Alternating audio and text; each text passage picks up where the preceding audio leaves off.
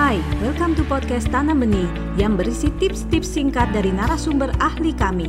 Jangan lupa di-follow. Kalau anak menolak tentang aturan yang diberikan oleh orang tua, kita perlu mendiskusikan kembali kepada anak. Apakah aturan tersebut terlalu berat atau enggak aturan itu tidak jelas bagi anak ataukah aturan itu tidak penting bagi dirinya. Nah, ketika kita tahu apa yang menjadi alasan penolakan dari anak, kita dapat memberikan informasi lebih uh, tentang pentingnya aturan tersebut dan mengapa aturan itu diberikan.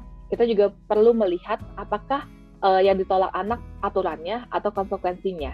Nah, kalau misalnya konsekuensinya yang ditolak, berarti kita perlu menyesuaikan kembali konsekuensi tersebut dengan yang anak bisa lalui atau anak bisa lewati. Anda baru saja mendengarkan tips dari Tanam Benih Foundation. Mari bersama-sama kita terus belajar untuk menjadi orang tua yang lebih baik demi generasi yang lebih baik. Jangan lupa follow podcast kami